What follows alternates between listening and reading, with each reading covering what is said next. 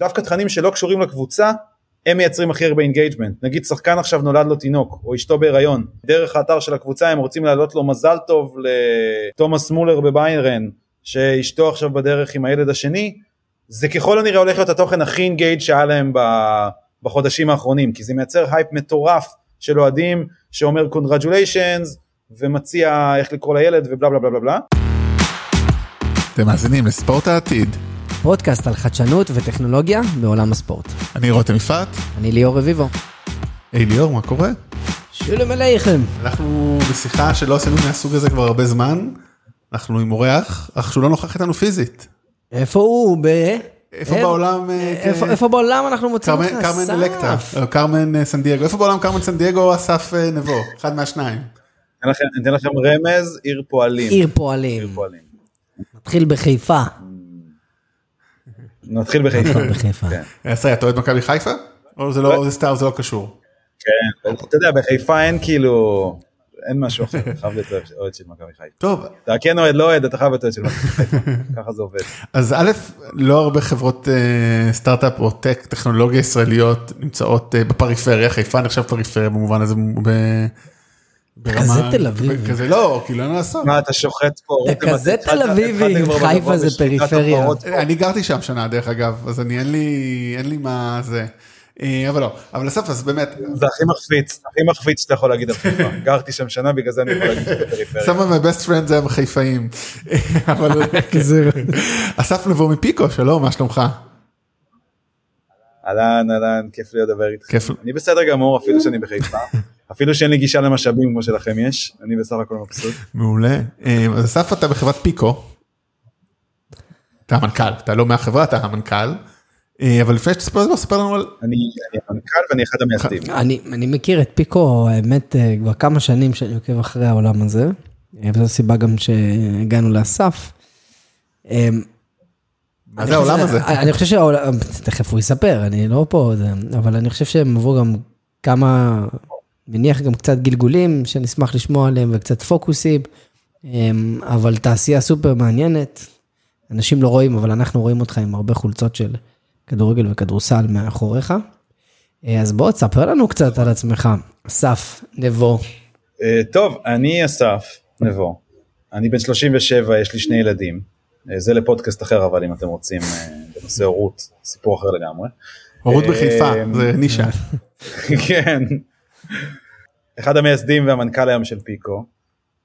אני מגיע מעולמות אחרים לגמרי, זאת אומרת אני המון שנים ביזמות כבר עוד לפני יזמות טכנולוגית, בתחילת הקריירה שלי היזמית הייתי באזור גיל 23, פתחתי פה בר שרץ במשך המון שנים, המון במונחים של ברים, כמעט תשע שנים הוא היה בבעלותי, ואחר כך הוא דבר ידיים וחי עוד כמה שנים טובות.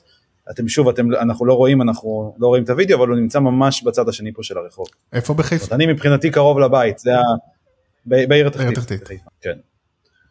בכמה שנים האחרונות באמת אני מושקע בפיקו כל כולי.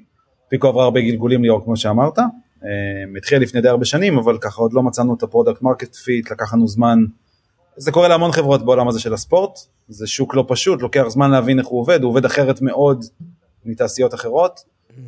ואיפשהו בעולמות של אזור 2017 ככה קלטנו מה אנחנו עושים, איך עושים, מה אנחנו, מה ה-value proposition, איך אנחנו ממצבים את עצמנו, ומשם ככה זה... אחד, אחד האתגרים הכי גדולים, אחד האתגרים הכי גדולים של חברות וסטארט-אפים כמו פיקו, שתכף אסביר לנו מה הם, זה להיות B2B2C בעצם, נכון? נכון. מצד אחד אתם נותנים פלטפורמה ללקוח שלכם, מי שזה לא יהיה, מצד שני אתם צריכים לתת value למשתמשים שלו. ומוניטיזציה זה נכנס בדרך, ואיך עושים כסף, אז אולי גם ניגע בזה בהמשך, אבל מה, תספר לנו קצת על פיקו. אז פיקו יושבת בעצם ב... בתווך של בין, אנחנו פה מדברים על ספורט, אבל פיקו לא עובדת רק בספורט, עובדים בעולם המותגים באופן כללי. בתווך של מותגים שהם מאוד מאוד חזקים בעולמות ה engagement, זאת אומרת שמבחינה דיגיטלית יש להם קהל מאוד גדול, מאוד רועש, זאת אומרת בכל פעם שהם עושים משהו, כותבים עכשיו איזשהו פוסט, או, או מפרסמים משהו חדש שקרה, המון אוהדים ומעריצים של אותו מותג יבואו וייצרו engagement בערוצים השונים, ופיקו יושבת בתווך של בין האנשים שעשו engagement לבין להבין מי הם ומה הם ומה מעניין אותם. כי אחד הפערים שאנחנו גילינו זה שמצד אחד, אם ניקח ספורט, קבוצה כמו ביירן מינכן, יכולים להיות לה 100 מיליון אוהדים בדיגיטל, ושלושה מיליון, ארבעה מיליון אוהדים שהם באמת יודעים, שבאמת יש להם עליהם פרטים. וזה נכון גם לעולם המותגים, זה נכון גם לבדווייזר וזה נכון גם להנסי, זה נכון לנייקי, יש פער אדיר בין כמות ה engagement לבין כמה מידע יש על האנשים. אני אומר שזה נכון גם ל publisherים, לאתרי תוכן למשל. זה נכון גם לאתרי תוכן. ל publishers, ההבדל, ההבדל אולי בין עולמות ה retailer, publishers, commerce הרגילים, לבין עולמות הספורט, ה-CPG, ה-Consumer Package Goods שאנחנו מאוד חזקים בו, ועולמות ה e-sport, זה שבעולמות ה publishers וה, וה commerce, יש conversion מאוד מאוד מאוד ברור. זאת אומרת התוכן נוצר למטרה מאוד מסוימת שהיא בסוף העלאת אחוזי המרה. אחוזי המרה למה זה כבר סיפור אחר, אבל בסוף מישהו מנסה לייצר המרה למשהו. קבוצות ספורט מייצרות תוכן כדי לייצר תוכן ולייצר brand awareness. מותגים גדולים, קחו את הנסי, קחו את בדווייזר, אתה כ end consumer אמרת B2B2C, ה-C בסוף לא יכול לקנות מה B הראשון, אתה לא יכול היום להיכנס לבדווייזר .com ולהזמין בירה. ו... וזה מייצר פער תשתיתי בהבנה של מי בסוף הבן אדם. ושם אנחנו יודעים לשבת. רגע אז אני עכשיו איבדתי אני חושב. דווקא אני מכיר כי דווקא אני מכיר ספציפית את בדווייזר כי עבדתי מולם אה, זה זאת אומרת אני היום בדווייזר יש לי עמוד פייסבוק לצורך העניין ועוד כמובן הרבה channelים אחרים. אה, ואנשים מגיבים לי תודה לאל אבל אני לא יודע עליהם כלום אז אתם בעצם יודעים לאסוף את האנשים האלה או אתם מייצרים engagement ייחודי ואז מן הסתם ברור שיש את המעקב. אז אנחנו קודם כל מנתחים מה אתה עושה בעולמות ה engagement, זה בעינינו step 1, להבין למה אתה engaged, אוקיי? באיזה ערוצים? זה לא משנה, זה, זה בכל הערוצים, זה יכול להיות באתר, באפליקציה, בטוויץ', אם יש לך e-sport, אוקיי? בפייסבוק, בטוויטר, בכל ערוץ שאתה לא תהיה בו, אנחנו קודם כל מסתכלים על כל הבופה הזה של הערוצים שיש לארגונים האלה, ואומרים להם אוקיי, פה יש engagement בתוכן מאוד מסוים עם אנשים מאוד מסוימים, זה השלב א', אוקיי? נגיד בספורט, תכנים שעובדים מצוין זה שחקן חדש, אה, ניצחון, הפסד הרבה פעמים מייצר המון engagement, בעיקר אם היה בו איזה פאשלה רצינית. זה שם יותר קשה לעבוד, אבל זה בהחלט מייצר engagement. ובכל מקום שבו יש אינטראקציה עם האוהד. תתפלאו שדווקא, אולי לא תתפלאו, אבל דווקא הדבר המעניין ביותר, זה שדווקא תכנים שלא קשורים לקבוצה, הם מייצרים הכי הרבה engagement. נגיד שחקן עכשיו נולד לו תינוק, או אשתו בהיריון, והוא מעלה דרך האתר של הקבוצה, הם רוצים להעלות לו מזל טוב ל... תומאס מולר בביירן, שאשתו עכשיו בדרך עם הילד השני, זה ככל הנראה הולך להיות התוכן הכי engaged שהיה להם בחודשים האחרונים, כי זה מייצר הייפ מטורף של אוהדים שאומר congratulations ומציע איך לקרוא לילד ובלה בלה בלה בלה, המון רעש. ממש מעניין. ופיקו נכנסת פה ואומרת אוקיי, רעש מעניין, כן, אבל הוא רעש, בשביל ביירן בסוף זה רעש, זה לייקים, זה commentים, זה shareים, ופה זה נגמר. אם הם היו משחקים משחק דיגיטל כמו שענקי הדיגיטל משחקים, והיה לזה איזושהי מטרת קונברז'ן, אז אם הם מבינים שכל האינגייג'מנט הזה זה טראפיק, זה טראפיק שהם מקבלים בחינם. אנשים אחרים היו משלמים הרבה מאוד hey, כסף בשביל הטראפיק שיש לביירן. אישה נסעה תינוק תשעה חודשים, זה לא כזה בחינם, בוא. לא, זה בחינם לביירן, לאישה סיפור אחר. ביירן זה בחינם, גם לא בחינם, כמה הם משלמים על תומאס מולר, כן. עזוב, זה לא באמת בחינם, תן לי אבל תרום איתי, תרום שנייה עם המחשבה. הוא לא, לא משלמים כסף כדי להביא traffic, זו הכוונה כן. בחינם.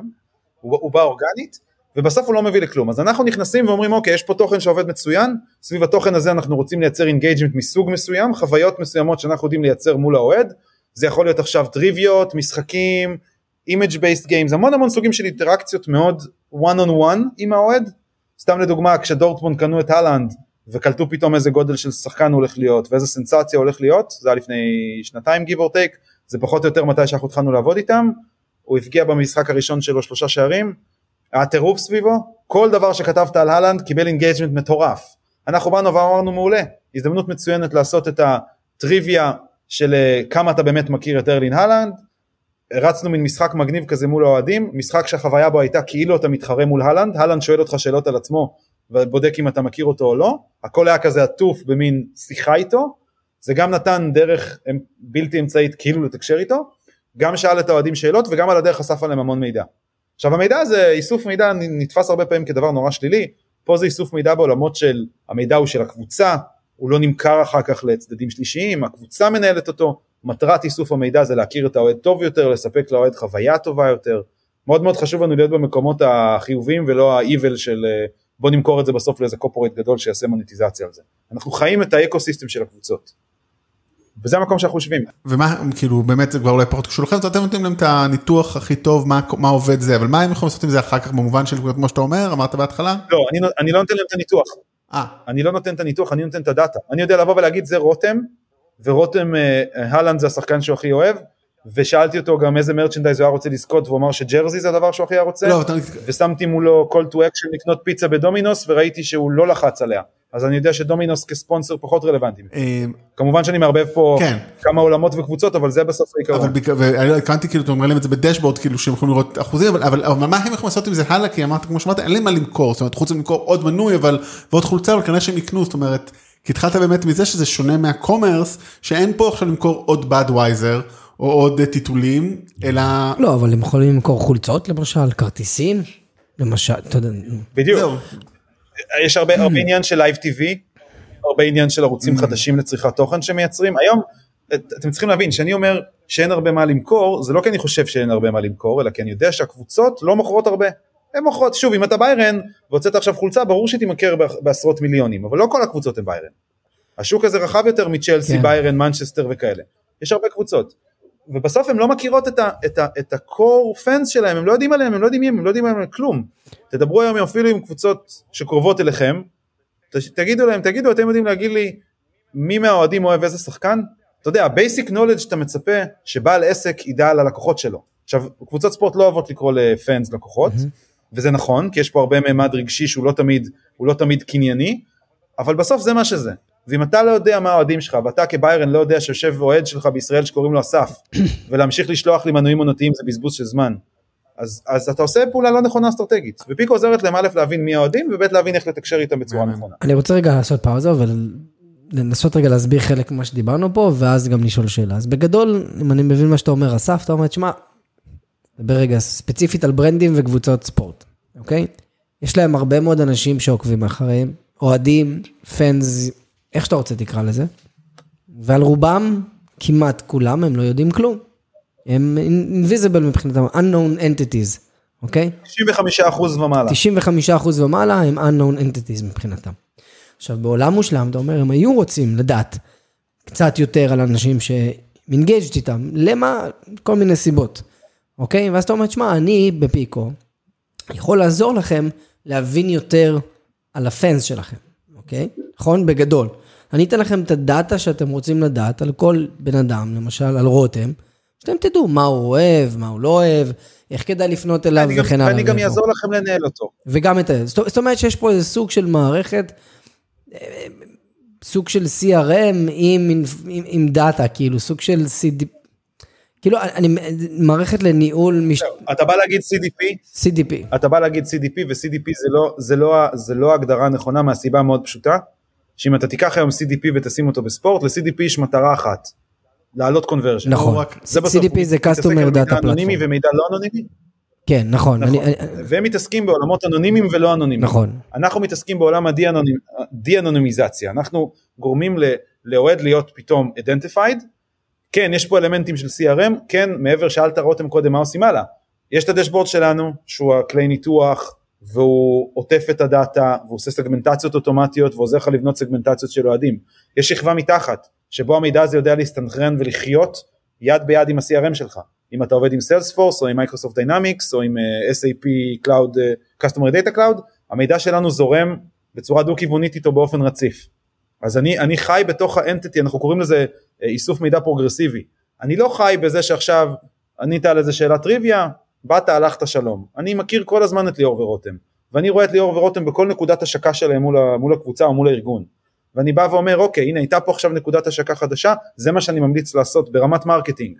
עכשיו marketing זה יכול להיות distribution של content, זה יכול להיות עכשיו מכירות, אם יש כרטיסים, קחו use case מאוד ברור, קבוצה עכשיו רוצה להוציא חולצה חדשה לשוק, אני יודע לבוא להגיד להם, היי תראו יש פה עכשיו אה, אה, חצי מיליון אוהדים של תומאס מולר שגם הביעו עניין בחולצה, בואו תטרגטו אותם קודם, זה ייתן לכם conversion הרבה יותר גבוה, זה ייתן לכם אה, אה, הקלקות הרבה יותר גבוהות, הכל ירוץ הרבה יותר בקלות, במקום שעכשיו תוציאו קמפיין ענק לכל האוהדים שלכם, שיהיה הרבה יותר יקר, הרבה פחות מתורגת, אני עדיין מקבל מ, מכל הקבוצות שאני עובד איתם, כי אני חבר בניוזלטר, אני מקבל כל הזמן ניוזלטרים על בוא תקנה מנוי עונתי, וזה יכול להיות מנוי עונתי בקנדה, או בהודו, או במקסיקו. אף אחד מהם בכלל לא מסגמט את זה שאני מישראל וזה לא רלוונטי אליי. אתה לא עוזר להם בעצם ליצור חוויה פרסונלית, אתה נותן להם כלים לאסוף דאטה ול, ולנהל אותו.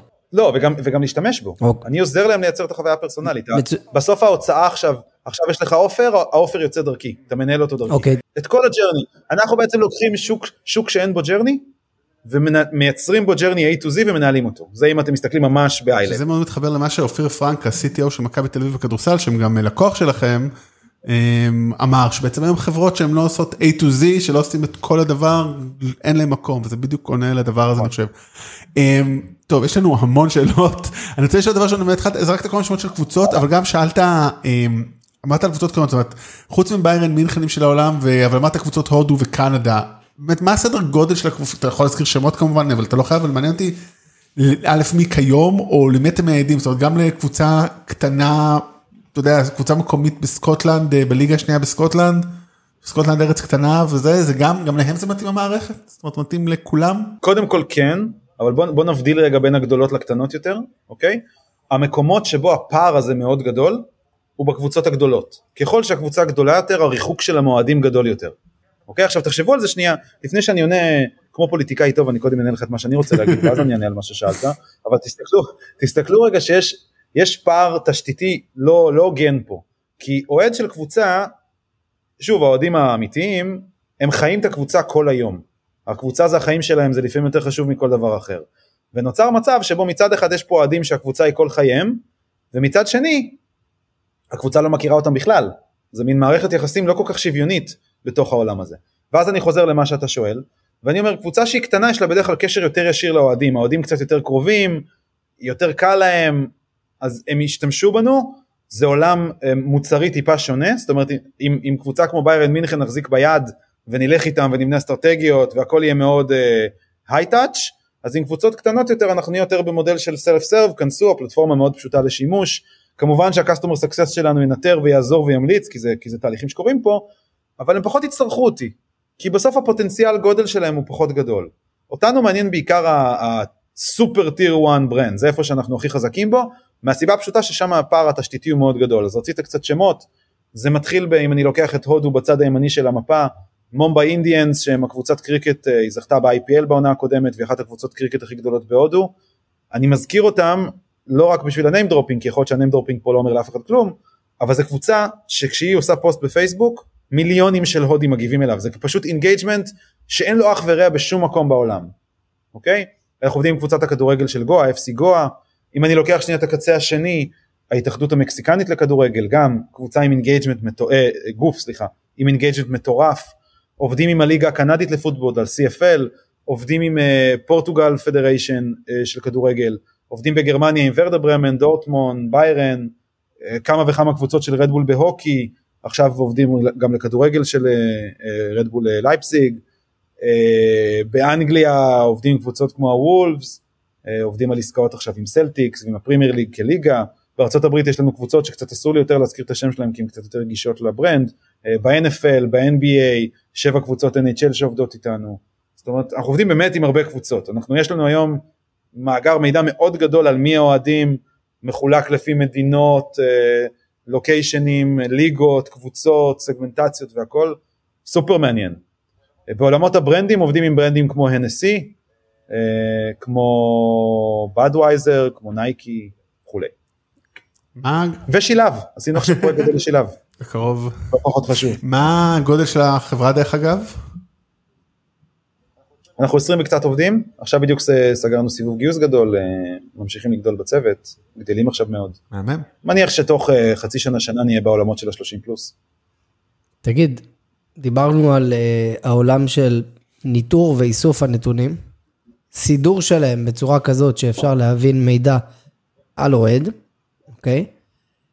עכשיו בוא תן לי את ה-use cases שאני כברנד, יכול להגיד אוקיי, סבבה, נכנסתי למערכת, אני רואה את האנשים, אני רואה את הדאטה, מה אני עושה עם זה? אצלך במערכת. קודם כל זה אחלה שאלה. ו, וזה שאלה, כל חברה שמתעסקת בדאטה, ש, תמיד השאלה זה מה עושים עם הדאטה. כי דאטה יש מלא ואיך אתה מנגיש אותו. יש פה שני אספקטים אה, מאוד חשובים. הראשון זה שאתם צריכים להבין שלארגונים בסדרי גודל גדולים יש למעשה שני אתגרים. הראשון שאין להם דאטה, והם היום בגלל הקורונה הם הבינו שאין דבר כזה יותר שאין דאטה, יש, יש דרישה מהנהלה להבין מה אותם מיליון אנשים בפייסבוק, מי הם. זה כבר, כבר לא מוכנים לחיות עם זה בשלום בתור משהו אמורפי. אז הvalue הראשון ש Pico מספקת זה access לדאטה. שהדאטה יישב אצלך ב-CRM כמו שיושב אצלך דאטה על אוהד אה, שקונה כרטיסים. בסדר? זה value אחד, זה value בפני עצמו, הבעלות על המידע. כן, אני אחדד משהו בנושא הזה, אנשים צריכים להבין שיש גם את העולם של אה, first party ו-third party data, נכון? עוד שנתיים בערך, נכון. גוגל מעלימה לחלוטין את ה cookies, זאת אומרת שמי שלא יהיה לו דאטה, שיאסוף דאטה משלו למשתמשים, יהיה בבעיה, אוקיי? בעצם מאבד הרבה מאוד יכולות של פרסום, אנחנו מדברים על זה גם, אבל אה, ברגע שהבינו שגוגל הולכת לסגור את עולם של ה cookies, כולם נהיים במרוץ של להתחיל לאסוף first party data. אנחנו ממש רואים את זה דרך אגב חי, אנחנו היום בסוף אוקטובר, אה, פייסבוק פרסמו את ה... את ה... כאילו את הדוח החודשי שלהם, או רבעוני, לא זוכר מה זה היה, שבגלל השינויים של... רבעוני. ובגלל השינויים של אפל שפגעו בפרטיות, בעצם הגבילו את הזה. לא נחתכו מן הסתם, אבל ספגו מכה לא קלה בכנף, כמו שהיו אומרים פה. בבקשה. אז, אז, אז אוקיי, אז השלב הראשון אתה אומר לחברות הגדולות, לארגונים הגדולים, בעיה ראשונה, דאטה, לאסוף את הדאטה ובזה אתם עוזרים. בעלות, הדיוק של זה זה בעלות על הדאטה. בעלות על הדאטה. להיות בעלי הדאטה זה אתגר מאוד לא פשוט, אוקיי. בטח בעולמות של GDPR ו- ו California privacy rules וכל המסביב. אוקיי, אוקיי? cool. זה לכשעצמו, תיאורטית, Value. יכול להיות חברה בפני עצמו. נכון. גם value, אבל גם כאילו זה עולם מלא של, של ניהול הדאטה והסנכרון שלו, אוקיי? הדבר השני, זה once אתה בפנים, אוקיי? אנחנו יודעים לעזור לך, זה מין ממשק אה, style BI כזה, שבא ועוזר לך להבין מי הם ה super fans והסגמנטציות השונות שלהם, מידע אנליטי שעוזר לך לקבל insights על הקהל שלך. אתן לך דוגמה, דווקא לא מעולמות הספורט, אוקיי? בפעילות של, זה כאילו זה כן מעולמות הספורט, אבל בפעילות שלנו מול הנסי, שזה מותג קוניאק מאוד גדול, אוקיי? בפעילות שלו מול ה-NBA, זאת אומרת ה traffic driver היה ה-NBA, יצרנו איזושהי פעילות פחות רלוונטי מהפעילות, אבל אחד ה insightים שאנחנו הבאנו להם, זה ראינו שהקהל שהיה הכי engaged והכי הרבה שיתף איתנו מידע, וזה מידע עמוק, אוקיי? זה היה מידע מאוד פרסונלי, היו נשים. עכשיו זה brand שכל ה brand definition שלו הוא גברי. זאת אומרת שחקני NBA גדולים כאלה מערסלים אה, קוניאק ופתאום אנחנו באנו ואמרנו להם Pico הקטנה מישראל אומרת להם חבר'ה חבר'ה חבר'ה חבר'ה תחשבו מחדש על כל אסטרטגיית השיווק שלכם בקמפיין הבא כי תטרגטו גברים, אה, סליחה תטרגטו נשים כי הנה ולרי מקליבלנד ששותה NSE XO והיא בכלל לא ברדאר שלכם אתם בכלל לא מטרגטים אותה בעולם שאתם חיים בו. או שאגב, אגב, דוגמה לשימוש. הרבה פעמים גם, אתה יודע, מחפשים מתנות, עולם של נגיד NSC, זה גם יכול להיות אחלה מתנה לגברים, אז הרבה פעמים נשים יכולות לקנות את זה כמתנה. זה גם יכול להיות פספוס. אמ, כאילו בסוף מי ששותה מזה זה אחד, אבל הלקוח שקונה את זה יכול להיות מישהו אחר. אני הבנתי מה ליאור רוצה ליום הולדת הבא שלו, הבנתי, הבנתי את הרמז, רשמתי. כן היה פה רמז. שם קלטתי. אמ, יהיה עוד רמזים בפרק. חוץ מלהגיד את המקט, את המקט של המוצר הוא באמת נתן בורא. דרך אגב, זה, רק, רק רציתי עוד מילה וחצי ליאור למה ששאלת, ה extra value זה שכשיש לך עכשיו offer שאתה רוצה להוציא החוצה, אתה בא אלינו ואומר זה ה offer שלי, אני חושב שה offer שלי מתאים לסגמנטציה הזאת והזאת ואתה מוציא את ה offer דרכנו. במייל? ואז ה offer. הזה יכול לצאת ב-SMSים, במייל, יכול להיות בפוש מסאג' באפליקציה, יכול להיות בפוש מסאג' ב-SMS, וכו- ב- סליחה בפייסבוק או בטוויטר, לפי הערוץ שאתה כאוהד הכי פעיל בו. אנחנו ניגע בך שם. וכל תהליך השליחה הזאת שהוא דומה במהות שלו לקמפיין פייסבוק, קורה מתוך הפלטפורמה. גם אם היום אתה מרים קמפיין פייסבוק שמתבסס על הדאטה שלנו, שאנחנו נזין את האודיאנס לתוך פייסבוק, קורה מתוך הפלטפורמה. ו- זאת אומרת אנחנו ממש נותנים פה A to Z solution מאיסוף המידע דרך השימוש. ואת כל, ה, כל מה שתיארת עכשיו, זה אתם פיתחתם או זה אינטגרציות למוצרים חיצוניים? למשל Mailchimp. שאת... לא, אז, אז שוב, אה, אני הרבה, אני הרבה עובד מול מה שיש להם. אומרת, אני יושב עכשיו בתוך ה-CRM שלהם, וה-CRM שלהם בדרך כלל מחובר לתוכנת אימייל, ואני אדחוף שם את הקמפיין דרך זה. הבנתי. אם אין להם, הם יכולים לעשות את זה דרכי. קבוצות קטנות יותר שאין להם CRM ואין להם Mailchimp ואין להם כלום, יכולות לעשות הכל דרכנו. הבנתי. אבל יש, בדרך כלל לקבוצה יש תשתית ואני מתחבר לתשתית. אוקיי, cool, מגניב. אמ, אחד הדברים שאנחנו ככה חוזרים לעבוד בפודקאסט זה שהאורך רוח של צופים היום הוא מאוד קצר, החל מדיבורים על לקצר את הכדורגל, את המשחקי כדורגל, כל הקליפים שחברות כמו WSC עושים ולא חסרים דוגמאות. אנשים היום, הדור הצעיר, אה, רוצה הכל מהר מהר מהר. ונשמע שהתכנים שאתם מייצרים מאוד מתאימים בזה. אתה מרגיש שאתם אה, תורמים, משפיעים באופן משמעותי על האופן שצורכים ספורט היום? זאת אומרת שזה, לשם הולך, ה... זה חלק מרכזי מהחוויה, באמת כל הטריוויה וכל הדברים שהזכרת, באמת אותו משחק ויש לכם באתר מלא דוגמאות לזה, מאוד מעניין לראות, זאת אומרת זה... It's part of the trend נראה לך? אני חושב שאנשים היום כבר לא בקטע של לצרוך תוכן פסיבי בלבד. זה לא בהכרח רק בספורט. זאת אומרת, רוצים להיות אקטיביים. ודוגמה לזה, זה אמרת WC, זה אחלה דוגמה ל, ל, כאילו לאקטיביות פסיבית. זאת אומרת שאני כבר לא מוכן לצרוך את כל התוכן שאתם הולכים להאכיל אותי, אני רוצה לצרוך את מה שאני רוצה. פה, פה מתבטא האקטיביות. אנחנו באים יותר במקום של, כן, בוא, בוא תראה, בוא, בוא תשמיע את קולך. יש לנו uh, uh, case study מגניב של ה draft night ב-NFL, שעבדנו שם עם שלוש קבוצות של ה-NFL, ושאלנו בעצם את האוהדים מי אתם רוצים שייבחר בדראפט בכל קבוצה. עכשיו בואו נהיה רגע כנים בינינו לבין עצמנו, הקבוצה לא באמת מסתכלת על זה כסקר או שאלון, הקבוצה עושה את ההחלטות שלה כמו שהיא מחליטה החלטות. אבל הקונספט של לתת לאוהד עכשיו להגיד מי הוא חושב שצריך להיבחר הבא, בום של engagement, בום. פתאום האוהדים עפים על זה, כי פתאום שואלים מה הם חושבים, עד עכשיו הם לא עניינו אף אחד במובן של קבלת החלטות.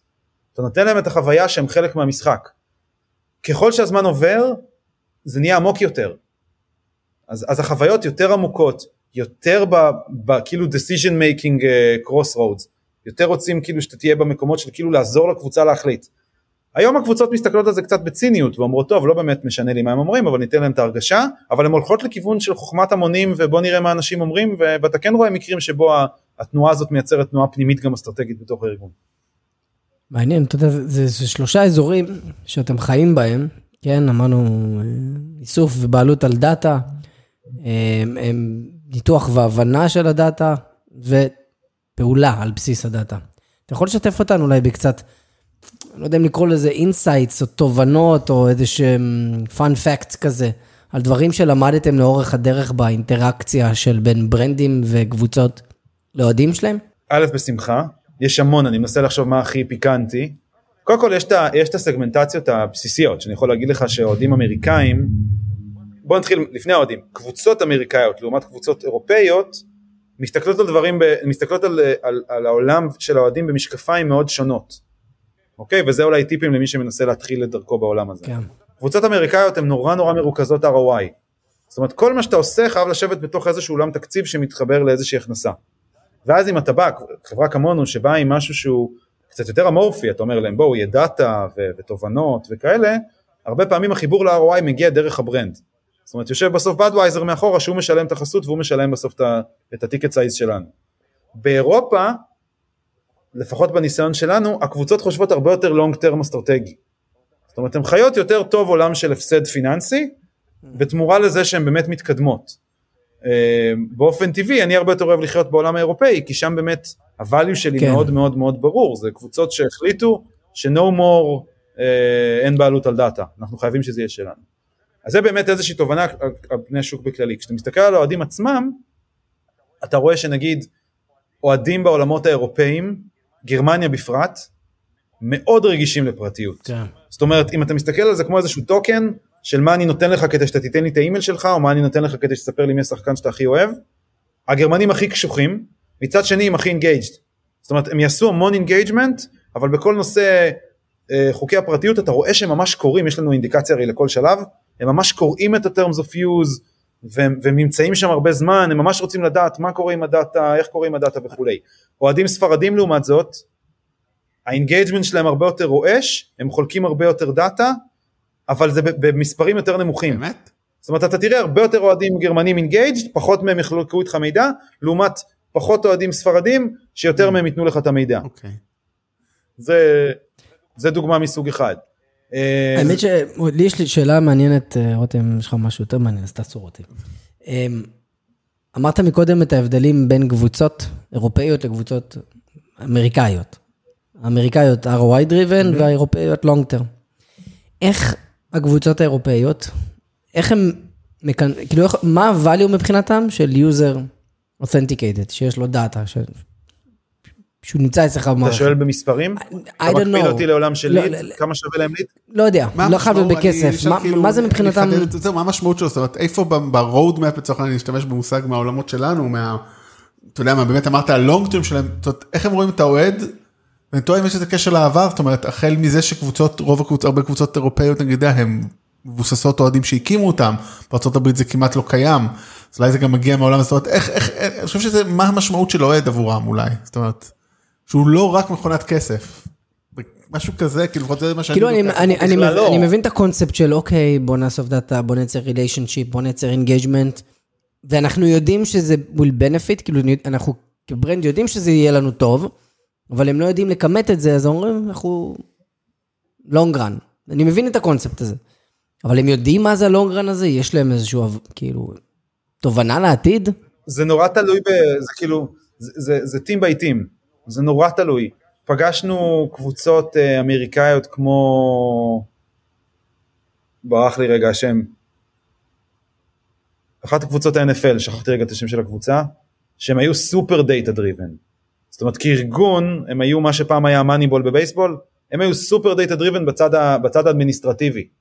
אוקיי, ה-Moneyball הרי דיבר יותר על הצד הקומפטטיבי. הם היו מאוד Moneyball בהקשר של ניהול הקבוצה. סבבה?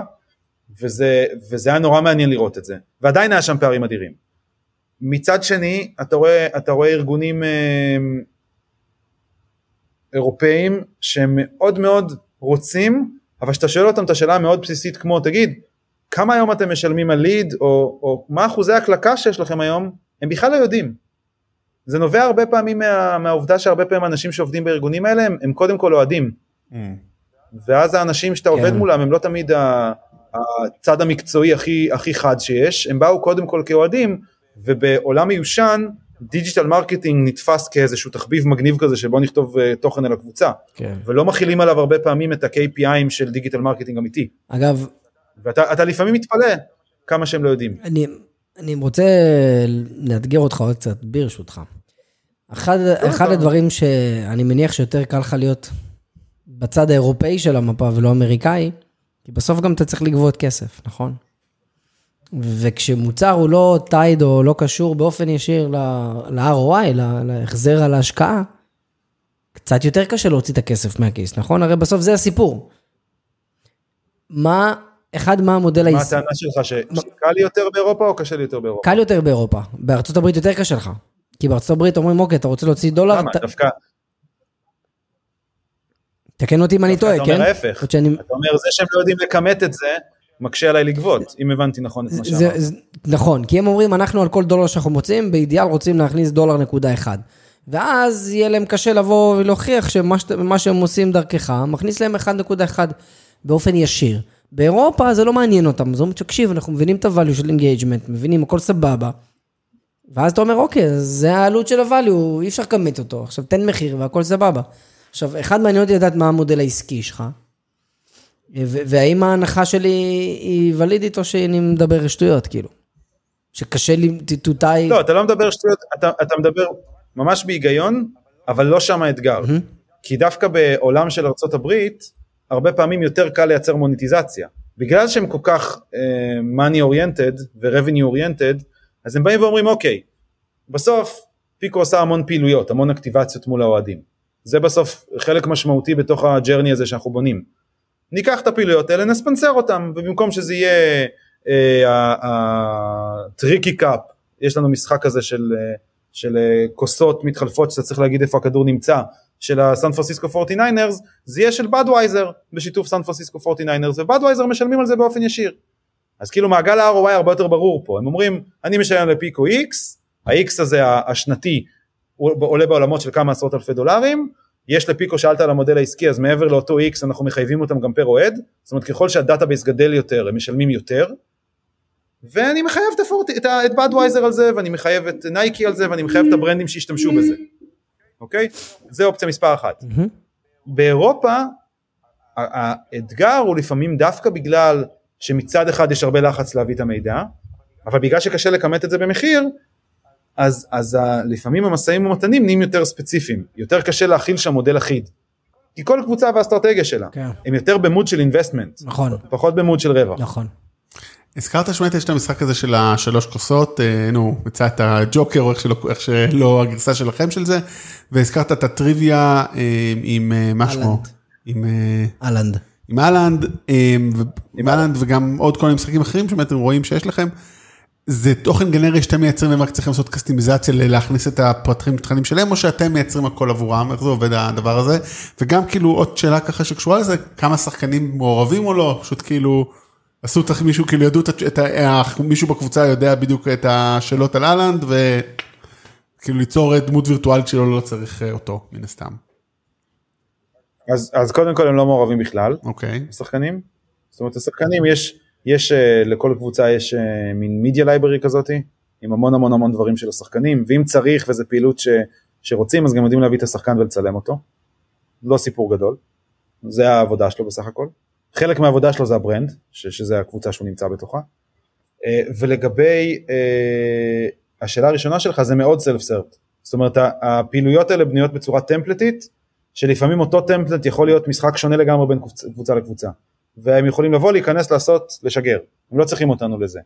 יש עניין עסקי שלפעמים קבוצות גדולות יותר, אתם כמו בכל חברה, יש לקוחות VIP גדולים יותר, משמעותיים יותר, ששם אנחנו באמת ב-i-touch יותר גבוה, לראות שהם מקבלים את הvalue שהם צריכים, אבל אגב, זה גם סרוויסס שאנחנו גובים עליהם יותר. זאת אומרת, אם אני ב-i-touch אז ה-entry point שלי המכירתית יותר גבוהה.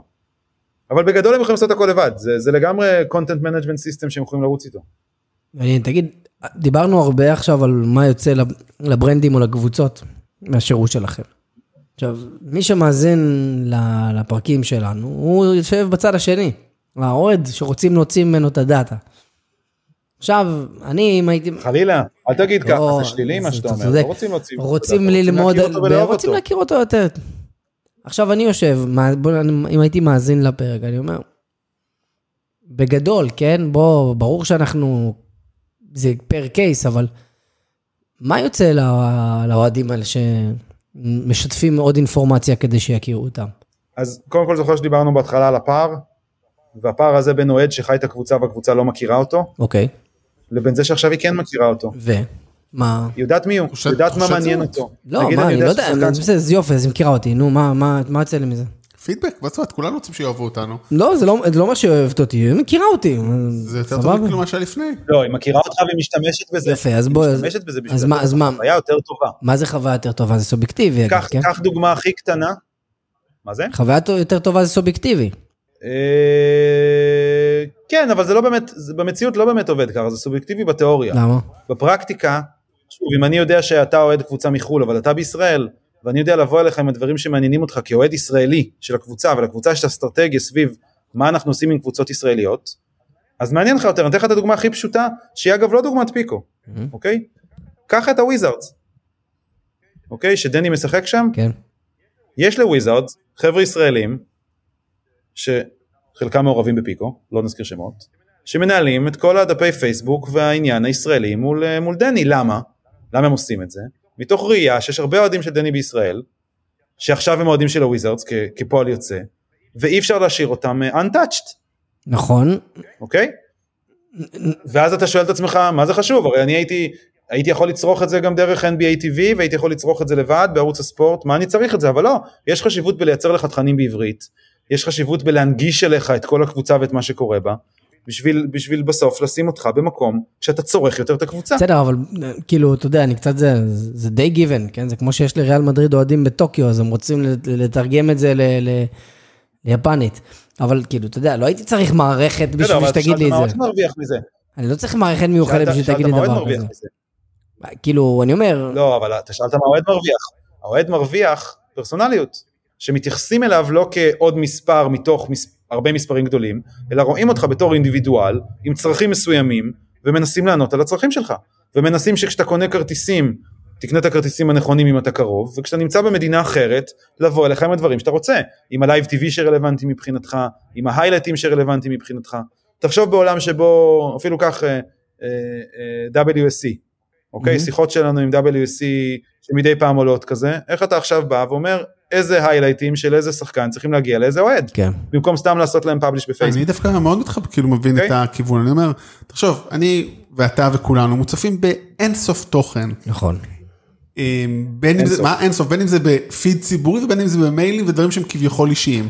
אז אם אני מקבל משהו שהוא הרבה יותר טוב לי, זאת אומרת שסיכוי יותר טוב שאני אוהב, זה יעשה לי יותר טוב מאשר עוד פעם לראות עוד איזשהו וידאו שכאילו מטופש שפייסבוק שם שאני לא מבין בכלל למה הוא חושב כן, שאני אוהב את זה. כן, אבל. מה אני אומר פה באבל? זה לא שאני לא מסכים איתכם, ברור שאני מסכים איתכם, אבל אחד, יש עייפות מאנשים לתת דאטה, כי די, משגעים אותם. אני חייב, שגים- אני, אני, מה, אני, the- take my data, I don't fucking care. יש הרבה אנשים שלא אוהבים, דיברנו על, דיברנו על, על העידן של, הד, של הדאטה, אמרת גרמנים פחות אוהבים שתף וקוראים כל, אני- כל טרם, אבל הם תמיד ככה, זאת אומרת, באמת, אני. זוכר שעבדתי לפני די עשור, הסתובבתי בסופר בגרמניה, לא רוצה לצלם אותם, כי חלילה זה כאילו, אבל בוא אני אגיד לך מה אני אגיד, ויש יש מקומות שאני חושש לבוא ולשתף את ה-data שלי, ויש מקומות שאני יודע שאני כבר vested, כאילו הם יודעים עליי הכל, פייסבוק, גוגל, whatever. אז אני אומר, אוקיי, אז ניתן לפייסבוק ולאינסטגרם לעשות לי את הפרסונליזציה, מה אני צריך עכשיו שבחוץ יעשו לי את הפרסונליזציה, אתה מבין? אני מעדיף אבל שיעקב שחר יעשה לי פרנסה. אני גם ככה, אני גם ככה כנראה צורך את רוב התוכן של ה-brand בפייסבוק ובאינסטגרם.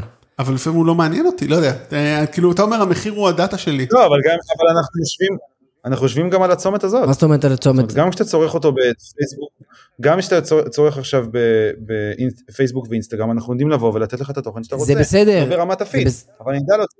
זה בסדר, אבל יש לך, קודם כל, יש, לפי מה שאני מכיר, זה מאוד מאוד limited כמה data אתה יודע לשלוף משם. הם לא נדיבים, אינסטגרם ופייסבוק, בכמה data הם ישתפו לך על users. בסוף זה ה-business שלהם. אפילו בכלל. נכון, אפילו בכלל לא. ואז כאילו אתה אומר, אוקיי, אז זה, זה closed garden, נכון, זה closed garden, גם באפל וכל זה. ואגב, ה-closed garden הזה הוא בעיה. אבל האנשים כבר אומרים, די, הם יודעים עליי הכל, ואני נמצא שם כל הזמן. אז, והם עושים פרסונליזציה, הם כביכול אמורים לדעת מה אני אוהב ולהציף לי.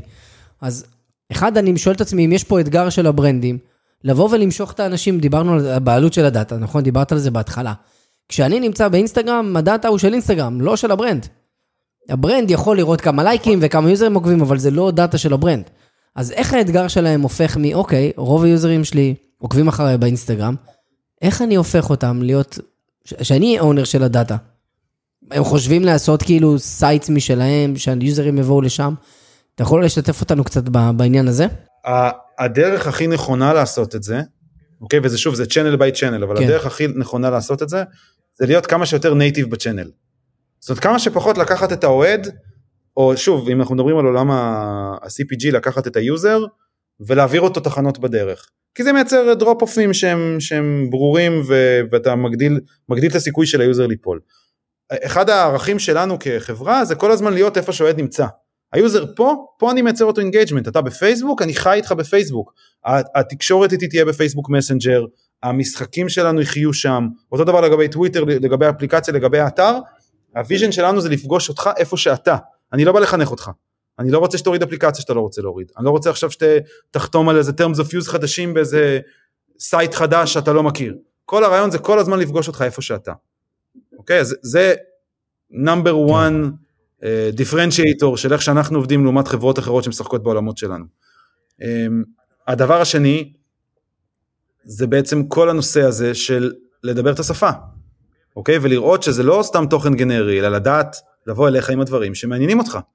וזה לא סתם בוא ליאור אח שלי תחלוק איתנו את הדאטה. אני יושב בתווך שבינך לבין הקבוצה שאתה אוהב. היא לא יודעת, ש- אתה לא יודע שיש פיקו לצורך הדיון, אתה יודע שיש קבוצה, והקבוצה היום מתקשרת איתך בצורה שהיא לא תקשרה בעבר, ואתה כאוהד ספורט בדרך כלל הקבוצה שלך אין לך בעיה לתת דאטה. כן. כי זה כי הם מבטיחים שזה רק לשימוש טוב וזה לא כמובן לשימוש אה, מסחרי אלא זה רק כדי להכיר אותך יותר טוב וזה הדבר שאתה הכי רוצה בעולם שיכירו אותך יותר טוב.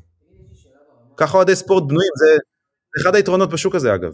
ה-emotional involvement פה הוא סופר קריטי להצלחה של דבר כזה. יש לי שאלה שמעניינת אותי ברמה ביזנסית מוצרית. אני, אני בסוף מסתכל, אתה הולך, אתה הולך ומביא לקוחות, אוקיי? מביא ברנדים. ואני אומר, בואנה, יש, יש מוצרים שככל שאתה מושקע בהם יותר, קשה לך לעזוב אותם. אנחנו מכירים את זה מפייסבוק ומלינקדאין וכן הלאה. אבל פה אתה בא לחברה, ואתה אומר לה, ברגע שהיא מתחילה לאסוף דאטה, והשירות שלך מתחיל להתמלא באינפורמציה על יוזרים, מעניין אותי לדעת אם מאוד מאוד קשה להם לעזוב אותך כי הם כבר invested, או שהמוצר שלך בנוי בצורה כזאת שאגב, הם, יכול להיות שהם מחייבים אותך, שמחר בבוקר הם יכולים ללחוץ על הכפתור ולעשות את דאמפ לכל הדאטה ל-CRM אחר. כאילו, כמה, וזה באמת מעניין אותי כאילו ברמה, נקרא לזה רגע, הביזנסית, כשנכנסים אליכם, קשה לצאת? אתם קל לצאת? אתם המאפיה או לא? אני אשאל את זה ב... לא, אגב, יש מלא מוצרים כאלה, שברגע קשה. שאתה נכנס, בואנה, אין סיכוי שתצא. כן, אבל- אגב, מוצרים פיננסיים זה הכי ככה. Once I try to go, every time I try to go out, I try to כן. be back in. לגמרי. נכון שעלות יציאה זה אחד מהמלכודות נעילה שעושים. כן, מה-stickiness. נכון. שעלות יציאה מאוד גבוהה. עכשיו חשוב להדגיש שהלקוחות הם הבעלים של ה-data. פיקו היא, משחקת פה בעולמות של data privacy, היא processor. Mm. אנחנו מאבדים את המידע. כן. אין לנו בעלות על המידע. אבל, having said that, once אנחנו נכנסים לתוך ה-CRMים שלהם, ומתחילים לפתח תובנות ודברים עסקיים, ברגע שאני pull the plug הם לא קיימים יותר. התובנות, לא אוקיי, לא ה-raw ה-data- data. ה-data הגולמי, כן. כן, ה-raw data שלהם, כן. אוקיי? אבל once אני כבר, מס... אתם צריכים להבין גם שבשביל קבוצת ספורט, אתם אנשי product וטכנולוגיה, ואתם מבינים שאינטגרציה ל-CRM זה לא מדע טילים. כן. נכון. אבל בשביל קבוצת ספורט לייצר אינטגרציה למערכת ל- כן, זה- שמסתנכרנת עם ה-CRM שלה, זה תופת מטורף רגשית, הם לא, בנ... הם לא בנויים לזה. אז once הם כבר עשו את זה, קשה מאוד להוציא. אגב, יש לקבוצות, אמ, אני עובד עם הרבה publishers, וגם שם לפעמים זה הרבה, הרבה מאוד בעיות. יש לקבוצות אנשי פיתוח in-house? כאילו, נגיד עכשיו אני רוצה לעשות אינטגרציה, דיברנו על, על, על, על CRM. מי הבן אדם שעושה? יש להם מפתח, הם עושים את זה ב-outsource, כאילו, כמה קל מהרגע שהבן אדם, בוא נגיד ה-community manager יושב על המערכת שלך, כמה זמן לוקח לו עד שמישהו עושה את האינטגרציה הזאת? לפעמים נראה לי שאין אז- אין, נשים כאלה, אין, אין מפתחים בכלל. זה נורא תלוי מה, מה האינטגרציה, יש אינטגרציות שהן בלחיצת כפתור, שכמו שאתה עושה פייסבוק קונקט, אתה יכול לעשות uh, חיבור לסיילספורס או ל-CRM אחר, שאז כל האינטגרציה היא סביב המפינג. כן, היא אני- פחות הצד אני- אני חושב הטכני, יותר שאני- סביב, בוא תגיד לי, אני אחדד רגע את השאלה, בסוף אני מנסה לדעת אם לחברות האלה יש אנשי פיתוח, לקבוצות ספורט האלה, או שזה הכל outsource. לא, לא כמו שאתה מדמיין אנשי פיתוח. יש להם כאילו מפתחי מערכות, כאילו לא מיישמים. חבר'ה כאלה יש DevOps, להם מיישמים בטח, לא מיישמים. יהיה להם מיישמים במקרה הטוב, כן, יהיה מיישמים במקרה הטוב, היה טרנד לפני, אני חושב שהוא כבר נעלם לפני איזה שנתיים שלוש, שכן קבוצות ספורט גדולות עם הרבה כסף פתחו אה, חברות פיתוח, כאילו פיתחו בשביל עצמם מוצרים, אני לא, אני לא expert בתחום כן. הזה, אבל אני עובד היום עם מספיק קבוצות, זה לדעתי מת, הם הבינו שהם לא יודעים, הם לא חברות טכנולוגיות, הם לא יודעות לנהל טכנולוגיה, וגם עולם ה-CRM, אם תיקח אה, מנהל CRM או מנהל BI, זה לא מקביל למנהל BI אה, ב-Monday, אוקיי? ברמת ה-expertise וה-skills כן, שיש כן. לבן אדם. זה אולי הוא בסוף אוהד, בוא. הוא בסוף אוהד שלמד אה, קוד ב- ב- ב- בהאקר. יודע לעשות גוגל אה, זה, Google Data כן. סטודיו. והוא אומר יאללה בוא נעשה. אני רואה את הכותרת בדה מרקר, קל אה, חברת sport-tech אה, אומר אה, עובדי הייטק יותר טובים מעובדי אה, עובדי קבוצות ספורט. מה לעשות? אה, תחתוך, תחתוך, תחתוך. where the budget is, כן. goes. אה, אז ממש אנחנו רגע לפני סיום אני חושב, יש לנו, אה, דבר ראשון שאלה, אני רוצה לחזור למשהו שאמרת ממש בהתחלה, אמרת לחברות אה, ב-sport-tech יש הרבה יותר אתגר ב-product market fit, לעומת אה, סטארט-אפים אחרים, חברות טכנולוגיה אחרות. מה מעניין, מה הסיבה שאתה רואה את זה, ואולי רק נסביר שתי מילים מה זה product market fit, למי שמכיר לא מכיר, זה בעצם כשמו כן הוא התאמה של המוצר לשוק, זאת אומרת יופי שיש לי רעיון אה, למוצר, אבל אם אף אחד לא רוצה אותו או לא מתאים לעולם שאני בא אליו זה קצת פחות רלוונטי וזה אולי הבסיס לכל מוצר, זאת אומרת לפני שאתה, אני אוסיף על זה שקשה מאוד להגיע לשם. אנשים חושבים שאם מצאת את הרעיון הטוב ויש צורך, אז הכל טוב. לא, רחוק. הוא לוקח הרבה זמן, כמו שאסף אמר, להגיע ל product market fit. בגדול, ברגע שיש לך product market fit, אתה יכול להגיד, אוקיי, הביזנס שלי עובד ועובד טוב, עכשיו אני צריך to scale it up. כן, וחברות עושות הרבה שינויים ופיבוטים וזה קורה לכל חברה, כאילו לא חושב שיש חברה אחת ש... זאת אומרת שהצליחה שלא עברה שינויים ולקח לה זמן למצוא את זה, אבל למה אתה אומר שלספורט לוקח יותר, זה בעצם, זאת השאלה. קודם כל, זה שוק קטן, אוקיי? אז זאת אומרת, כמות הקבוצות הגדולות שאתה יכול לרוץ אחריהן, גם אם עוד אין לך product market fit, הוא לא גדול. הוא שוק מאוד מאוד סגור, גם הוא נישה. ואז אם אה, חרבנת לקוח אחד, זה הרבה פעמים משליך על אה, לקוחות אחרים באותו עולם. הקבוצות הן מאוד לא טכנולוגיות, אוקיי? זאת אומרת, אין להם כמעט מערך טכנולוגי מאחוריהם. ואני לא אומר את זה כדי לרדת עליהם, הן יודעות לעשות ספורט. ולהרבה אנשים קשה להבין לפעמים את זה שגם בתוך קבוצה לפעמים יש שני ארגונים, יש ארגון קומפטטיבי ויש ארגון אדמיניסטרטיבי.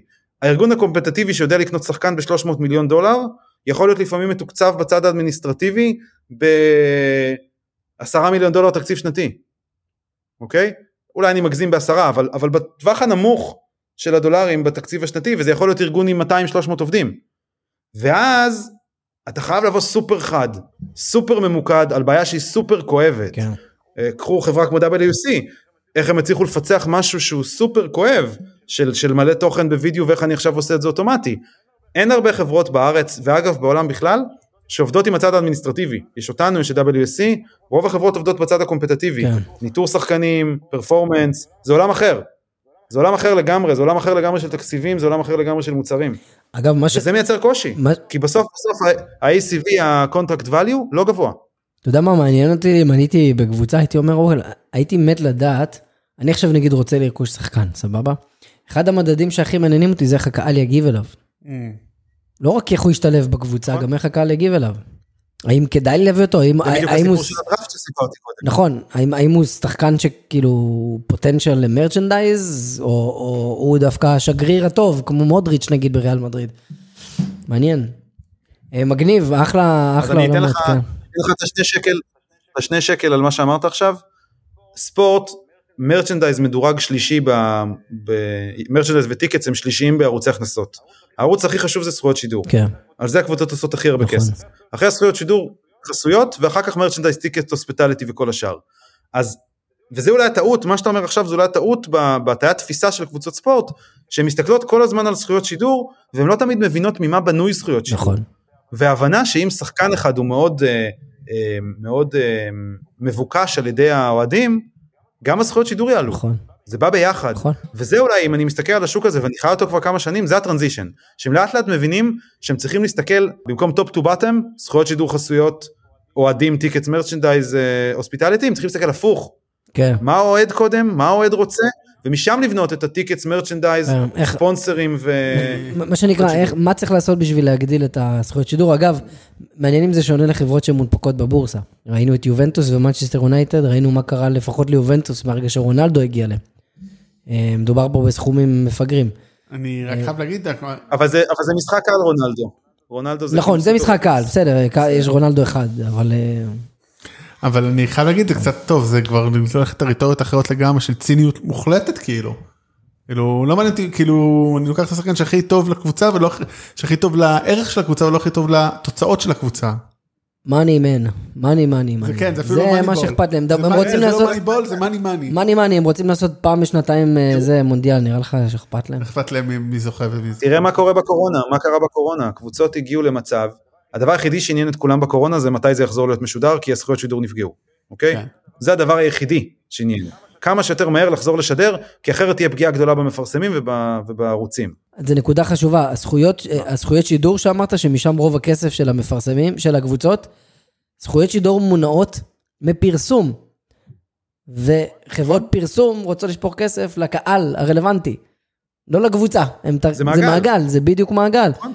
לגמרי, אני מסכים. והם זה לא מבינים. קבוצות להבנתי, אני לא לא בא לזלזל ולא רוצה זה. כותרות בדה מרקר, אבל הן לא מספיק מבינות את זה, הן חושבות לפעמים שורטר מדי. בגלל שגם כארגון הן הרבה פעמים הפסדיות פיננסית, כן. אז הן חיות כל היום אה, מין אה, מנטליות של כיבוי שרפות. כן. יש כן, קורונה זה עכשיו, נדפקו. זכויות שידור, חייבים לחזור למגרשים, נשחק לבד, נעשה 3,000 בדיקות קורונה ביום, לא נביא אוהדים, העיקר שישחקו ושישדרו את זה בטלוויזיה, כן. שם הכסף, משם גם מגיע חסויות. כן, מה- תשמעו, ספורט זה עולם מרתק, מעניין מאוד. הוא מאוד מורכב, הוא סופר מעניין, אנחנו בעדו. אבל הוא לא, הוא לא פשוט. לא, לא, לא פשוט הוא- בכלל. הוא לא פשוט. אז אה, טוב, בואו נסיים עם השאלות הקבועות שלנו. כן? יאללה. תן בראש. אז אה, אנחנו תמיד אוהבים לשאול, כי קוראים לנו ספורט העתיד, בכל זאת, איפה אתה רואה, במקרה הזה אנחנו נשאל שתי שאלות. אחד, איפה אתה רואה את עתיד חוויית האוהדים בעתיד? זאת אומרת, איפה, יהיה, איך תראה אה, החוויה של האוהדים בעתיד עוד חמש, עשר שנים, וכמובן איפה פיקו בתוך כל זה? מה החזון שלכם גם? אז תראה, אני לא איש מוצר, אז אני לא אגיד לך שהיא תהיה יותר VRית, אה, augmented reality וכל זה, כי זה פחות אני. אני יותר, יותר ביזנס אוריינטד, ואני בטוח במיליון אחוז שנושא הכרת האוהד, הוא, הוא, הקורונה נתנה לו אקסלרציה מטורפת בשוק. וקבוצות היום מוכנות לעשות המון בשביל באמת להבין מי האוהדים ולבנות מודלים עסקיים חדשים שלא היו קיימים לפני זה, סביב ההבנה מי האוהד. אני חושב שנראה הרבה יותר אה, מערכות OTT מאוד פרסונליות, שתוכל לצרוך בדיוק את התוכן שאתה רוצה, מתי שאתה רוצה, איך שאתה רוצה, באיזה ערוץ, באיזה פורמט, אני חושב שלשם השוק הולך, גם מתוך רצון של השוק להוריד את התלות שלו ב...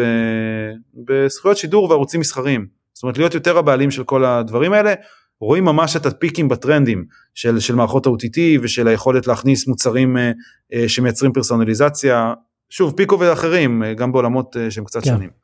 אז לדעתי זה, ה- זה העתיד. מבחינת החוויה, כבר היום העולם הזה נאבק בטלוויזיות אה, 4K, או היום יש כבר יותר מ-4K, אה, שיודעים לצאת חוויה מטורפת בבית, 12, והם כן. נאבקים בזה. כן, והם נאבקים בזה. נאבקים בזה, כי היום האינסנטיב שלך לצאת לאיצטדיון, בעיקר בעולם של קורונה, ירד משמעותית. אני ח... משמעותית, משמעותית, משמעותית. היה לנו פרק, הקלטנו, אמ, הקלטנו השבוע פרק, מי זה היה שדיברנו? שבועות דסקל. עם דסקל, אוריאל כן, דסקל. תקשיב, הקלטנו פרק עם דסקל, ואחד הדברים שהוא אמר שלפחות בוויז'ן שלו על העתיד, שיהיה נגיד רפליקות של איצטדיונים, נגיד הברנבאו, יהיה כל מיני הברנבאו בעולם, שאנשים יוכלו לבוא לברנבאו הזה ולחוות משחק בהולוגרמות. זאת אומרת, שאני יכול לנסוע לברנבאו פה בחיפה. ואז פתאום, אני קונה כרטיסים. זה מטורף. וזה פתאום מייצר לך גלובליזציה של fan engagement, שכאילו אתה, את- כאילו אתה שם, אתה מקבל את החוויה לא במדריד, פה, מה ההבדל? הולוגרמות נראה אותו דבר. אה, תסתכל על פייסבוק והמטאוורס. כן? אתה יכול בתיאוריה לייצר ב-VR חוויה שאתה באצטדיון. כן. זאת אומרת, אתה יודע, זה אפילו לא כזה רחוק. לא, לא, הם כבר... הם... עוד אנקדוטה אגב, שתי חברות הכי גדולות בעולם, שאנחנו מכירים גוגל ופייסבוק, שניהם בנויות על פרסומות. מה זה פרסומות? להכיר טוב את הבן אדם מאחורי המקלדת, ולדעת מה לתת לו בזמן הנכון ובמקום הנכון. חלק מה pitch שלנו. כן. אחד הפילוסופים. טלס, אחד הפילוסופים הראשונים אי פעם, וכאילו בהיסטוריה המערבית, אמר הכל מים. אני חושב שנכון היום להגיד הכל דאטה בסופו של דבר. וזה, דאטה. זה כאילו חוזר הרבה בפרקים שלנו, לפעמים מנסה להימנע מזה, אבל אי אפשר. אי אפשר, אי אפשר. אי אפשר להימנע מזה. זה לא רק פה, אם היינו עושים עכשיו פו- פודקאסט על טכנולוגיה, על סתם, יודע, לנתח חברות שאנחנו אוהבים, בסוף, כולן עוסקות בדאטה, כולן הבסיס שלהם, אולי אתה יודע מה, אה, אשתך עובדת באלמנטור, באלמנטור כנראה זה לא, זה, זה, זה, וגם, הם משתמשים בהרבה דאטה כדי לשפר את המוצר, אני בטוח, לא נגיד, הם לא מתעסקים בדאטה, סבבה. חברה לבניית אתרים, אבל חברה שעושה כלי לבניית אתרים. זה inherently... אם ניקח, אתה יודע, את ה-100-500 חברות הכי מצליחות בתחום הטכנולוגיה, כן. זה מעניין לעשות את זה ידע משחק כזה. כן, לגמרי. אסף, תגיד, אתם אה, מגייסים משהו? מחפשים עובדים? תמיד. לא באתר, תמיד יש משרות אה, פתוחות. אנחנו נצרף לינק נצרף לאתר. לינק כמובן. אה, אני אשאל את השאלה שאנחנו שואלים את כולם, אבל בטח ספציפי זה, אתם היברידים או איך אתם עכשיו, בטח בגלל... אנחנו היינו היברידים עוד שזה לא היה במיינסטרים. בגלל שאנחנו חברה, כמו שאמרתם, בפריפריה, אנחנו, אנחנו היינו עושים היברידי ועבודה מהבית עוד כשכולם היו נוסעים למשרד כל יום, כי יש לנו עובדים שבאים מלהבות הבשן בצפון, והנקודה הכי דרומית שלנו היום זה פתח תקווה. and counting. זאת אומרת, יש גם אנשים שמתראיינים שהם יותר דרומיים. אז יש לכם אנשים מפתח תקווה, זה. כבוד- תשמע, אם היום אפשר לעשות נכון. פודקאסטים ב remote, אז אי אפשר לעבוד ב remote. בוא, אפשר לעבוד, האמת באמת, ברור, בוא. מה אתה צריך? לפטופ ואינטרנט טוב. בוא. לפטופ ואינטרנט רק. להיפגש למשחקים, זה אה, זה מה שחשוב. אתה יודע מה, תחשוב על זה, תחשוב על זה, שבוע שעבר ראיינו פה את עידו לזר מאל ספורט, שהוא מאשקלון, כאילו, כן. כאילו, אשקלון חיפה. בוא'נה, אנחנו תומכים בזה, באיזה כן, יופי. יאללה, פעם הבאה באר שבע. בוא ניישב את יש הנגב חברת עכשיו. ספורטק מבאר שבע? יש, חייב להיות נמצא. אנחנו נמצא, ואם לא, אנחנו נקים, אנחנו עוברים. אם אתם חברת ספורטק מבאר שבע, צרו קשר, אנחנו נשמח לארח אתכם. תרימו, תרימו אה, נור לאוויר. האמת שאני קורא את הספר. עכשיו של אה, ראש העיר של באר שבע, נדבר איתו, אולי שווה להביא אותו. אה, הוא מאוד בעד חדשנות אגב, הוא רוצה להקים את הסיליקון ואדי בבאר שבע, זה יכול להתחבר טוב. אסף, היה כיף, פגז מעניין, מאוד מפוצץ. בדאטה, מלא עולם, אני חושב, פרסונליזציה. חייב להגיד ככה לסיכום בהקשר שלנו, זה מאוד שונה מרוב הדברים, אם לא עם כל הדברים שדיברנו עליהם. אפרופו מה שאמרת, כאילו שאתם ו-WSC שונות, שאתם מתעסקים יותר, בוא נקרא לזה, בצד האדמיניסטרטיבי או תפעולי. אני באמת מכיר את זה כאילו באמת ב-NBA תמיד יש את ה-President of uh, Basketball, כאילו נגיד אה, פופוביץ' הוא ה-President of Basketball בנוסף לאותו מאמן, ויש להם President of Operations, וזה באמת זה הצד שלכם, וזה זה שונה מרוב הדברים שהתעסקנו בהם, וזה סופר מעניין. כן, לגמרי. ממש תודה. היה לי גם ממש כיף. אה, יאללה, שיהיה לנו. אחלה המשך שבוע.